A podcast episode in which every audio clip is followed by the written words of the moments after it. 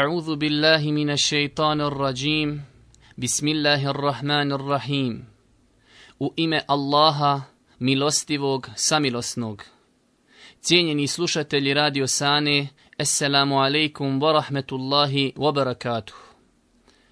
31. maj je dan borbe protiv konzumiranja duhana.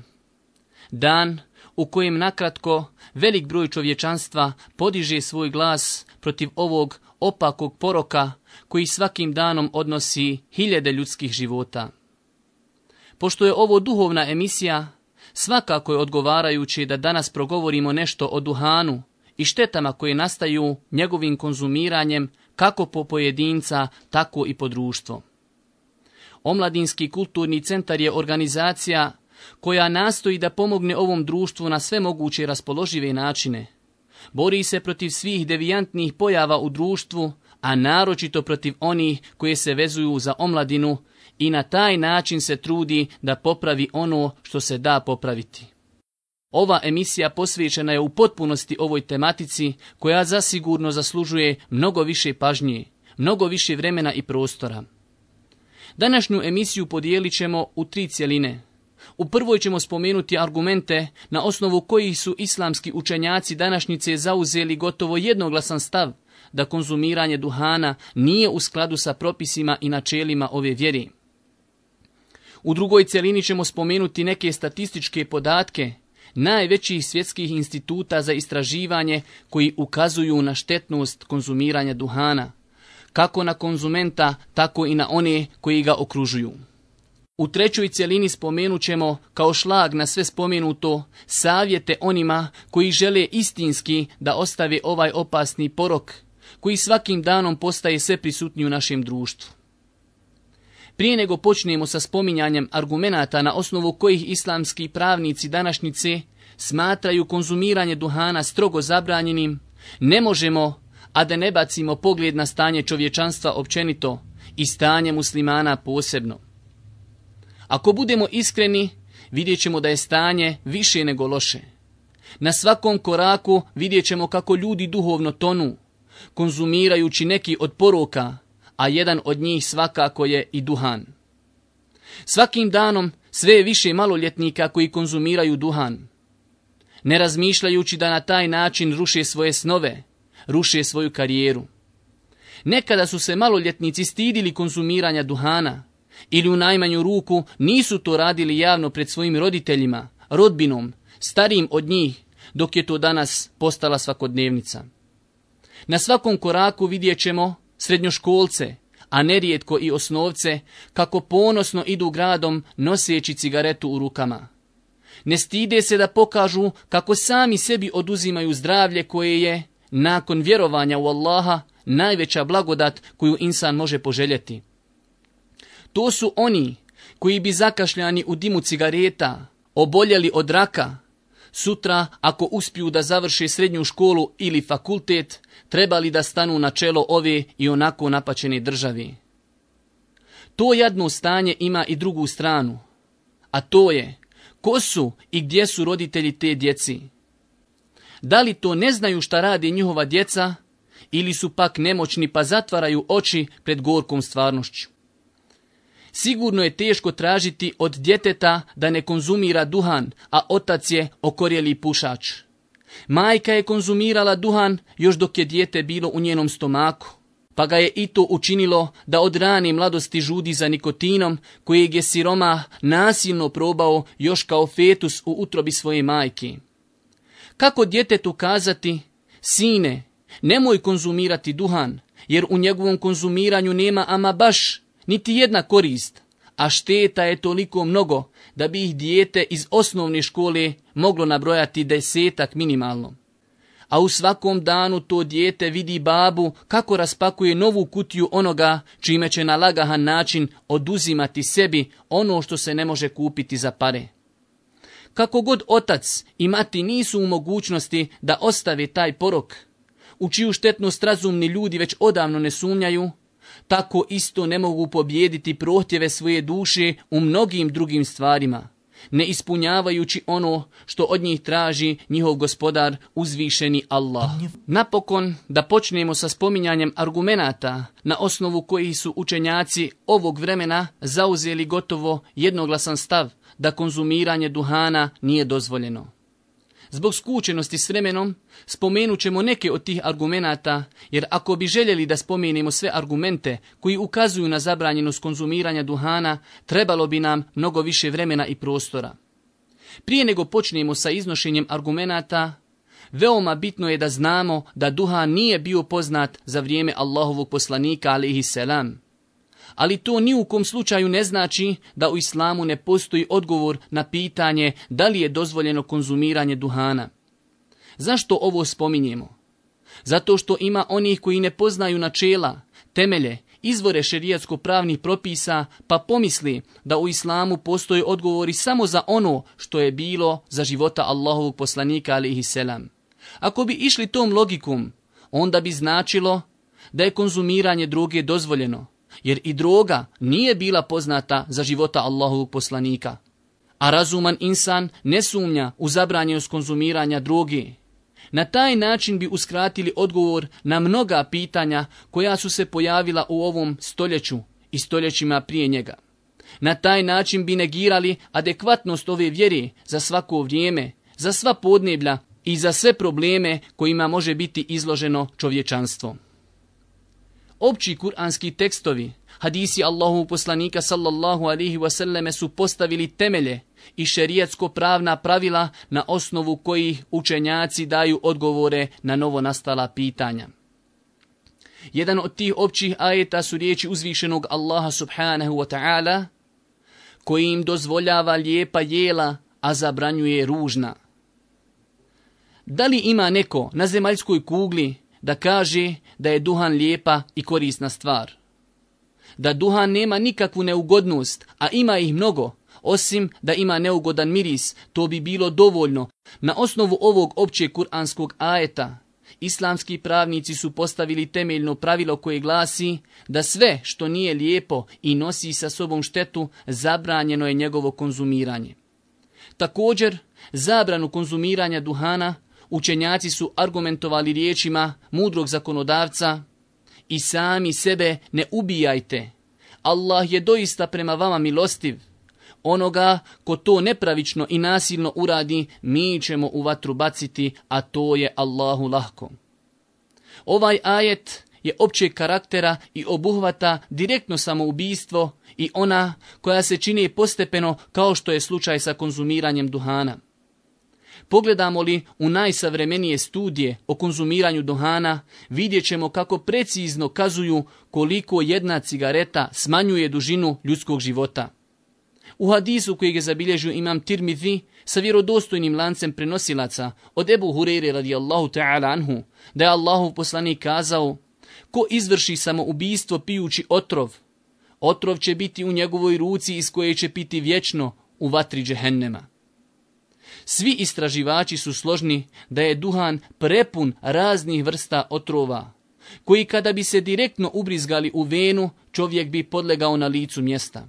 Zato se je bojati za one koji umru od konzumiranja duhana, da li su oni počinili samo samoubistvo koje je strogo zabranjeno načelima ove vjeri. Da li razuman insan sumnja u to da je konzumiranje duhana rasipništvo i metka, i metak za čije trošenje će čovjek biti pitan na sudnjem danu. Milostivi Allah iz milosti prema svojim robovima zabranio im je rasipništvo i nazvao one koji rasipaju šeitanovom braćom. Kaže Allah, i ne rasipaj mnogo, zaista su rasipnici braća šeitanova, a šeitan je gospodaru svome nezahvalan. Allahov poslanik, sallallahu alihi wasallame potvrdio je zabranu rasipanja imetka u više hadisa.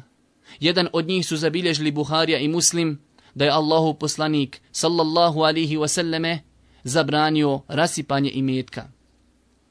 Ne smijemo zaboraviti da čovjek na sudnjem danu neće pomaknuti svoja stopala sve dok ne odgovori na četiri pitanja. U hadisu koji ga zabilježio imam Tirmidhi, od Ebu Berzeta radijallahu ta'ala anhu da je Allahu poslanik kazao neće se pomaći stopala insana na sudnjem danu dok ne odgovori na četiri pitanja. O životu, kako ga je proveo, o znanju, koliko je radio po njemu, o imetku, kako ga je stekao i gdje ga je potrošio i o tijelu u šta ga je koristio. Znaj, brate, da ćeš biti pitan za svaki fening, kako si ga stekao i gdje si ga potrošio. Da li misliš da je pozitivan odgovor da kažeš Trošio sam svakodnevno, o gospodaru, nekoliko maraka za duhan. Duhan koji u sebi ne sadrži nikakvu korist, a šteta toliko mnogo da ih i najsavremeniji istraživači ne mogu prebrojati.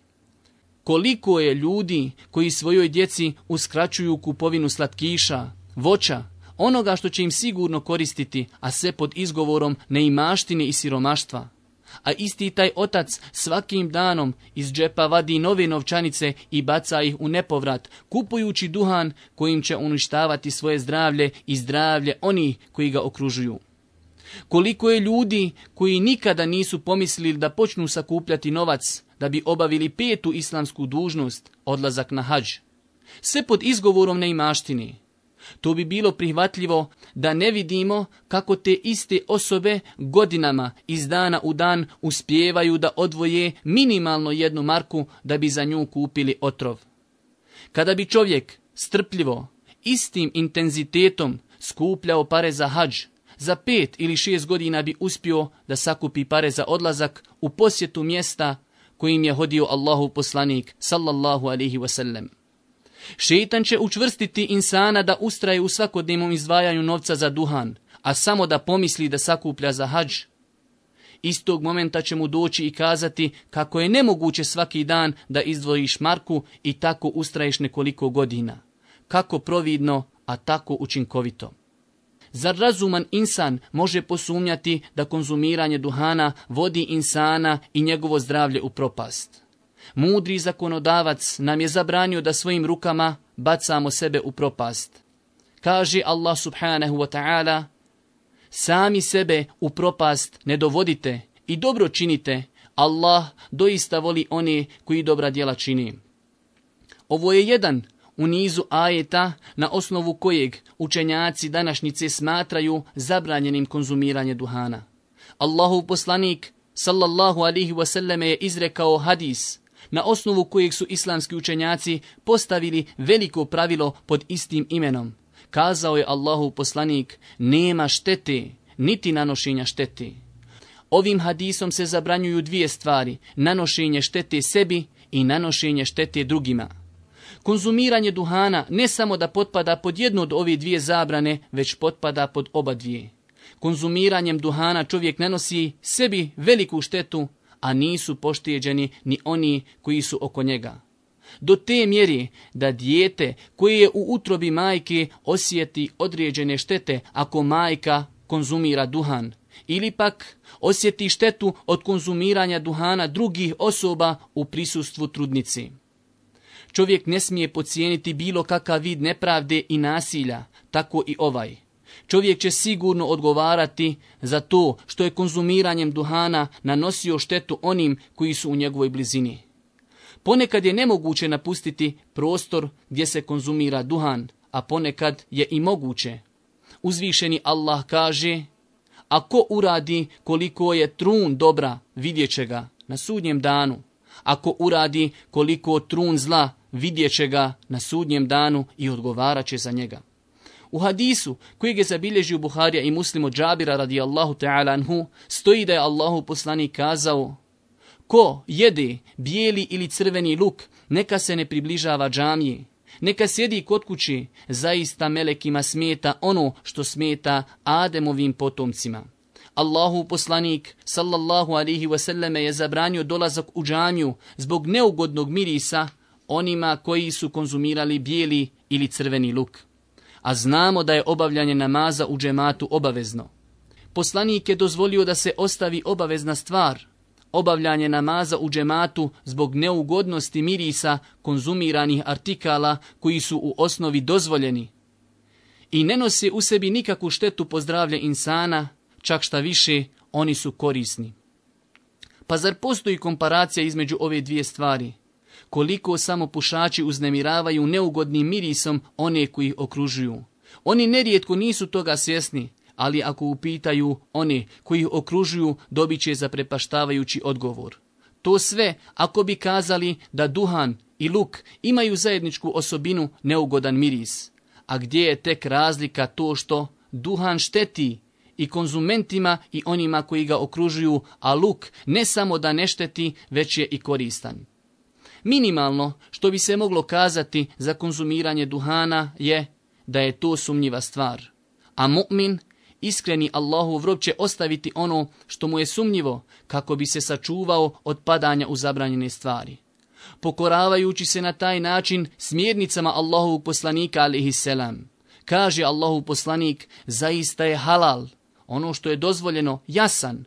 I haram, ono što je zabranjeno je jasan a među njima ima nejasnih stvari koje velik broj ljudi ne poznaje. Koji se sačuva, sačuvao je svoju vjeru i svoju čast, a ko se upusti u njihovo činjenje, pašće u harame zabranjene stvari. Mnogo je drugih argumenata na osnovu kojih se da zaključiti da konzumiranje duhana nije dozvoljeno. Zbog skučenosti s vremenom zadovolit ćemo se sa spomenutim.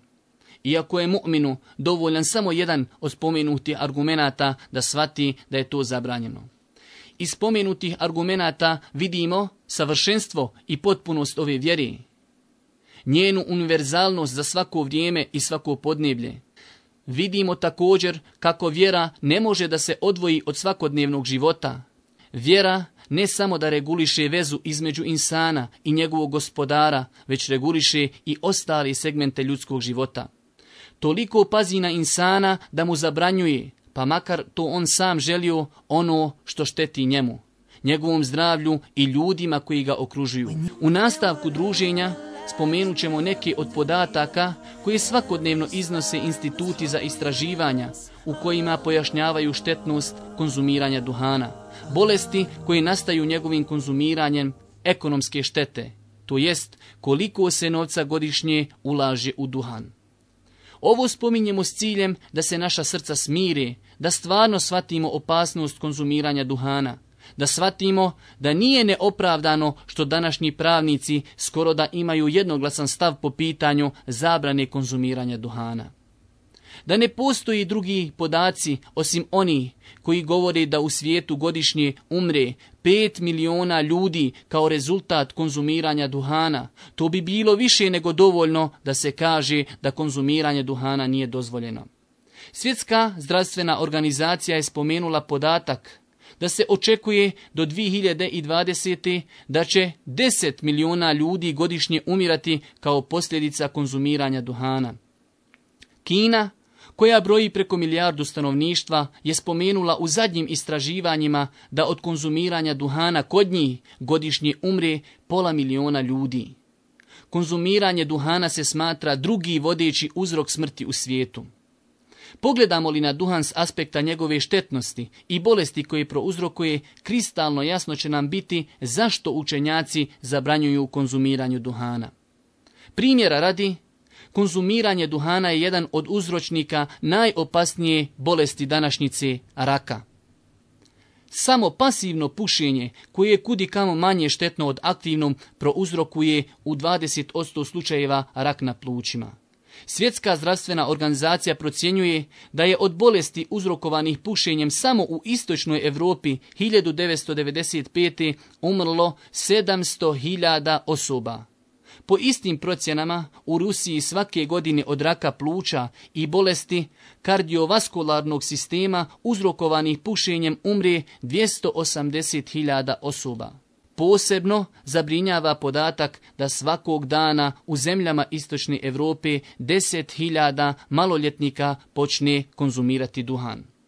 Savremena medicina konzumiranje duhana povezuje sa rakom pluća, grla, usne šupljine, nosne šupljine, sinusa, mokrašne bešike, bubrega, jednjaka, želuca, jetri, bolesti krvnih sudova, čir želuca, pobačaj, rađanje mrtvorođene bebe. Rađanje bebe, mali tjelesni težini, sve su to bolesti koje su prouzrokovane konzumiranjem duhana. Pušenje u trudnoći smanjuje težinu bebe i do 200 grama u prosjeku. Trudnice koje konzumiraju duhan u trudnoći izlažu se riziku prijevremenog poroda i riziku spontanih pobačaja. Konzumiranje duhana u toku trudnoće izlaže bebu rizika oboljenja od asme. Najnovija istraživanja ukazuju da pušenje ometa intelektualno sazrijevanje djeteta. Majka koja toliko voli svoje dijete i toliko iščekuje njegov dolazak, naročito ako je u pitanju prvo dijete, može da tom djetetu nanese štetu čije posljedice će osjećati cijelog života. Djeca koja odrastaju uz roditelje koji puše, češće oboljevaju od respiratornih infekcija, upali srednjeg uha, bronhitisa i asmi. Američki istraživači su otkrili nove dokaze da će djeca, žena koje puše u trudnoći, biti sklonija tome u mladosti i sami da probaju duhan a njihovo istraživanje pokazuje također da na neki način to mijenja mozak nerođenom djetetu i povećava vjerovatnoću da će i ono biti pušač. Na kraju ovi statističkih podataka koji nisu nimalo ohrabrujući, pogledajmo samo koliko se novca godišnje kod nas u Bosni izdvaja za duhan. Pušač u Bosni u prosjeku izdvaja mjesečno za duhan od 30 do 150 konvertibilnih maraka, što znači u prosjeku godišnje jedan pušač potroši i do 1800 konvertibilnih maraka. Ako na to pridodamo da 40% stanovništva Bosni aktivno puši, onda bi to moglo da znači da pušači u Bosni godišnje izdvajaju za duhan više od milijardi eura. Ako na to pridodamo koliko će samo utrošiti novca u lijekove, liječeći bolesti nastale kao rezultat konzumiranja duhana, ta cifra od milijardi eura bila bi sigurno udvostručena ili utrostručena. Nakon ovih podataka, koji sigurno nisu izrečeni bez prijethodno jakih ispitivanja i istraživanja, sigurno je nesvatljivo da toliki broj ljudi zatvara oči pred ovim činjenicama i podacima. Ako bi se ljudima objasnilo štetno djelovanje nikotina na zdravlje pušača i osoba iz njegove okolini, niko ko je pri zdravoj pameti ne bi više pripalio cigaretu, kaže Vitold Zatonski, direktor Memorijalnog centra za liječenje raka u Varšavi. Zatonski upozorava da je smrtonost od bolesti izazvanih pušenjem u istočnoj Europi najviša u svijetu i da se dalje pogoršava. Pa kaže Borba protiv pušenja najveći je izazov na nivou čitave zemlje. Događa se katastrofa. Tako visok broj srednjovječnih ljudi koji svakodnevno umiru u istočnoj Europi do sada je nezabilježen. Smrt izazvana oboljenjima uzrokovanim posljedicama pušenja naš je najveći problem, kaže Zatonski. Za one koji su ipak odlučili nakon ovog izlaganja da ostavi ovaj porok, uputit ćemo nekoliko savjeta koji bi trebali da im pomognu u ostavljanju duhana.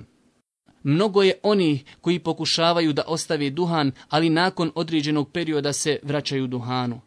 Prvi savjet, da čovjek neprestano ima na umu štete koji proizilaze iz konzumiranja duhana da razmisli da na taj način sam sebi sjeće korijen i grane svog životnog stabla, da svaka cigareta umanjuje njegovu životnu dob, da sa svakom cigaretom se osipa jedan kamenčić njegovog životnog mozaika. Ne smijemo zaboraviti na one iz našeg komšiluka koji su oboljeli od raka. Zamislite, možda smo mi sljedeće žrtve. Koliko bi oni koji su oboljeli od raka i svakim danom iščekuju smrt, samo poželjeli da su u našoj koži, kako bi oni imali jaku volju da ostavi duhan. Jer davno je rečeno, zdravlje je kruna na glavi zdravih koju vide samo bolesni. Također, od savjeta je da neprestano razmišljamo o plodovima ostavljanja konzumiranja duhana. Kako lijepo dišu oni čija pluća nisu zatrovana i zaprljana dimom duhana. Kako su njihovi zubi bijeli, a zubi onih koji konzumiraju duhan žuti. Kako je lijep zadah ljudi koji ne konzumiraju duhan, a kako je gorak smrad zadaha ljudi koji konzumiraju duhan. Treći savjet, razmislite samo koliko je blagodati kojima je Allah obdario čovječanstvo, toliko da ih ne možemo prebrojati. Zdravlje, vid, sluh, zrak, voda, hrana, i mnoge druge. I mi smo toliko oholi da smo nepokorni onome ko nam je tolike blagodati darovao. Konzumiranjem duhana čovjek javno prkosi stvoritelju koji je te stvari i sve druge u kojima je šteta za nas zabranio. Ne zaboravimo da ćemo jednog dana biti pitani za svaku sekundu našeg života, za svaki dinar, kako smo ga zaradili i gdje smo ga potrošili. Četvrti savjet, čvrsta odluka i ustrajnost na tomi.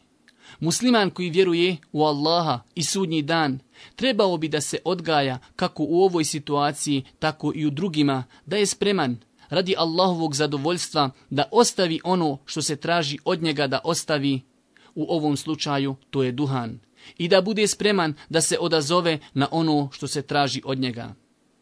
Onaj ko očisti namjeru i to uradi iskreno tražeći zadovoljstvo milostivog, njega će Allah pomoći na tom putu olakšati mu i podariti izlaz iz svake poteškoći.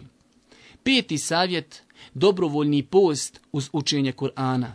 Čovjek koji posti zasigurno je dovoljno savladao protjeve svoje duše da će mu to olakšati ustrajnost u ostavljanju duhana. Šesti savjet da se čovjek iskreno obrati uzvišenom Allahu sa dovom u vremenima kada se primaju dove i da zatraži od Allaha da ga učvrsti u toj namjeri da mu olakša ostavljanje tog poroka. Sedmi savjet da čovjek popuni svoje vrijeme nekim korisnim aktivnostima kako bi zaboravio na duhan, da ne dozvoli da ima mnogo slobodnog vremena koji će ga pozivati i posjećati na duhan. Osmi savjet da čovjek ne gubi nadu, pa makar se desilo da nije uspio da to ostavi iz prvog pokušaja, već da nastavi sa pokušajima sve dok jednom ne uspije. Deveti savjet, ostavljanje svega što će insana posjećati na duhan, ostavljanje mjesta gdje se konzumira duhan. Deseti savjet, da se družimo sa dobrim ljudima koji su daleko od bilo kojeg poroka. Jeste da je takvih u današnjem vremenu malo, ali sigurno ih ima i naći će ih onaj koji ih bude tražio. najesti i zadnji savjet, ako ne možeš ostaviti konzumiranje duhana odjednom, pokušaj da to uradiš postepeno. Pokušaj da ostavljaš javno pušenje, da umanjiš broj cigareta koje trošiš u jednom danu. Poštovani slušatelji Radio Sani, to je bilo sve što smo vam pripremili za danas. Do narednog slušanja za 15 dana. Assalamu alaikum wa rahmetullahi wa barakatuh.